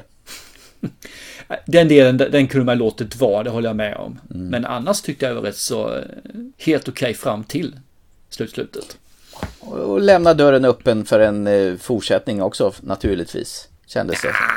Gjorde du verkligen det? Ja, det tycker jag nog. Och så kunde han flyga igen. Och hon också. Ja, men det, det beror ju lite grann på att de är ju en helhet tillsammans. Ja, Det, det tycker jag faktiskt kan vara rätt kul. Det är någon scen när, eh, när han försöker flyga, hur han stoppar Mhm. ner näven och bara ah, you still don't get it. Det här kommer inte funka. Ungefär som att det är pyspunka på Superman här. Ja, och det är det ju för att han är ju bara ena halvan av, den, av helheten. För Trinity är ju den andra halvan. Tillsammans så blir de ju the force. Då blir de ju ostoppbara. Men separerade så är de inte fullkomliga. Det är det jag menar med kärlekshistorien. Ja, återigen. Nej, det här, det här skavde skiten ur mig faktiskt. Jag, jag tycker det här var rent bedrövligt. Jag fattar inte överhuvudtaget vad den här ska vara bra för. Det hade räckt med Okej. första Matrix-filmen och sen hade man inte behövt gjort något mer. Och då inkluderar jag även de två uppföljarna som kom efter första Matrix. Man säger så det här är inte en film jag skulle saknat om den inte gjort. Men nu när jag såg den så hade jag ett ganska öppet sinnelag och tyckte det här var jäkligt en bra take på det. Man gjorde det lite annorlunda. Jag tyckte, för man hade kunnat göra en eh, Matrix 1, 2, 3 i kubik. Och sen bara mosa på mer och mer och mer som man gjorde i de andra filmerna. Men ettan var ju hyper, men eh, tvåan var ju mega och trean var ju gigalodion ju. Nu skulle man gjort en hyper Matrix då som en fjärde film.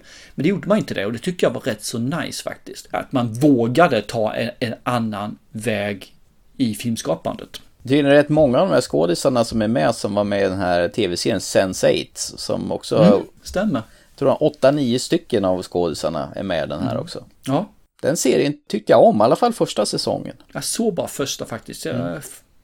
tappade den sen när jag visste att den skulle ta slut. Mm. Jag vet inte varför. men Jag tappade den. Ja men det räckte bra Nej, faktiskt. första säsongen var skitbra. Böt ut någon skådis vet jag de gjorde och sen Mm. vet jag att Netflix la ner serien och så gjorde de avslutande film istället. Jag såg aldrig färdigt. Nej, avslutande fi- filmen var inför säsong två. Var det, ja, det var så det var kanske. Jag såg filmen dock. Aha, okej. Ja.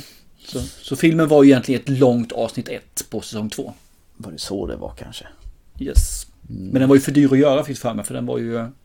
Ja, de filmade liksom on-site. Ja, de var ju på Island, de var ju nere i Sydafrika, de var lite översta, överallt med den där serien. Asien och hela köret. Så. Ja, de var i Tyskland och ja, jag fattar att den var dyr. Det är kul. Vi har, då har vi spoilat den här filmen helt igenom. Som sagt var, förutom... eh, Ja, för er som har sett den och förstått den och ni som inte har sett den och vi pratar om det blir det kanske gyttrigt. Det vet jag inte men. Eh, jag tror att de flesta som har lyssnat på den här sista har nog sett den redan. Och eh, vi är ganska överens om att vi är väldigt oöverens. Ja, we agree to disagree som det heter. Yes. Så vi kan avsluta det här med att eh, Matrix-filmen vad vi tycker om den det är att Thomas har i alla fall rätt. Och jag tycker att The Matrix Erection, den, eh, den kan vi kasta ner i soptunnan. Nu tittar du på en annan typ av vuxenfilm än vad jag gjorde här faktiskt. Det kanske finns en eh, pornvariant av den här, vem vet? Säkert. Eller vet du någonting om det? Nej, inte smack. Du verkar du vara övertygad så att... Nans, Ta nans, säg no more. Aj, aj. Men då tycker jag faktiskt att vi tar och eh, avslutar dagens avsnitt. Ja, det, det tycker jag vi gör helt rätt i. För idag har vi pratat om massor med filmer. Vi har pratat om Texas Chainsaw Massacre från 2022. Vi har pratat om Uncharted. Vi har pratat om Döden på Nilen. Och vi har pratat om Skyskrapan brinner. Och nu avslutningsvis kalkonen The Matrix Resurrection. I ditt fall inte en kalkon utan kanske en liten kyckling. Eller en The White Rabbit för all del. Mhm, Absolut. Men eh, ja, tills eh, om ett par veckor då, då vi är tillbaka så gör ni väl som vanligt. Se fyra, fem, sex, ja se hur många filmer ni vill. Det vet ni ju, det gör ni ju bäst så att säga. Så hörs vi snart igen. Ha det bäst. Ha det gott. Och chip chip. Hej då!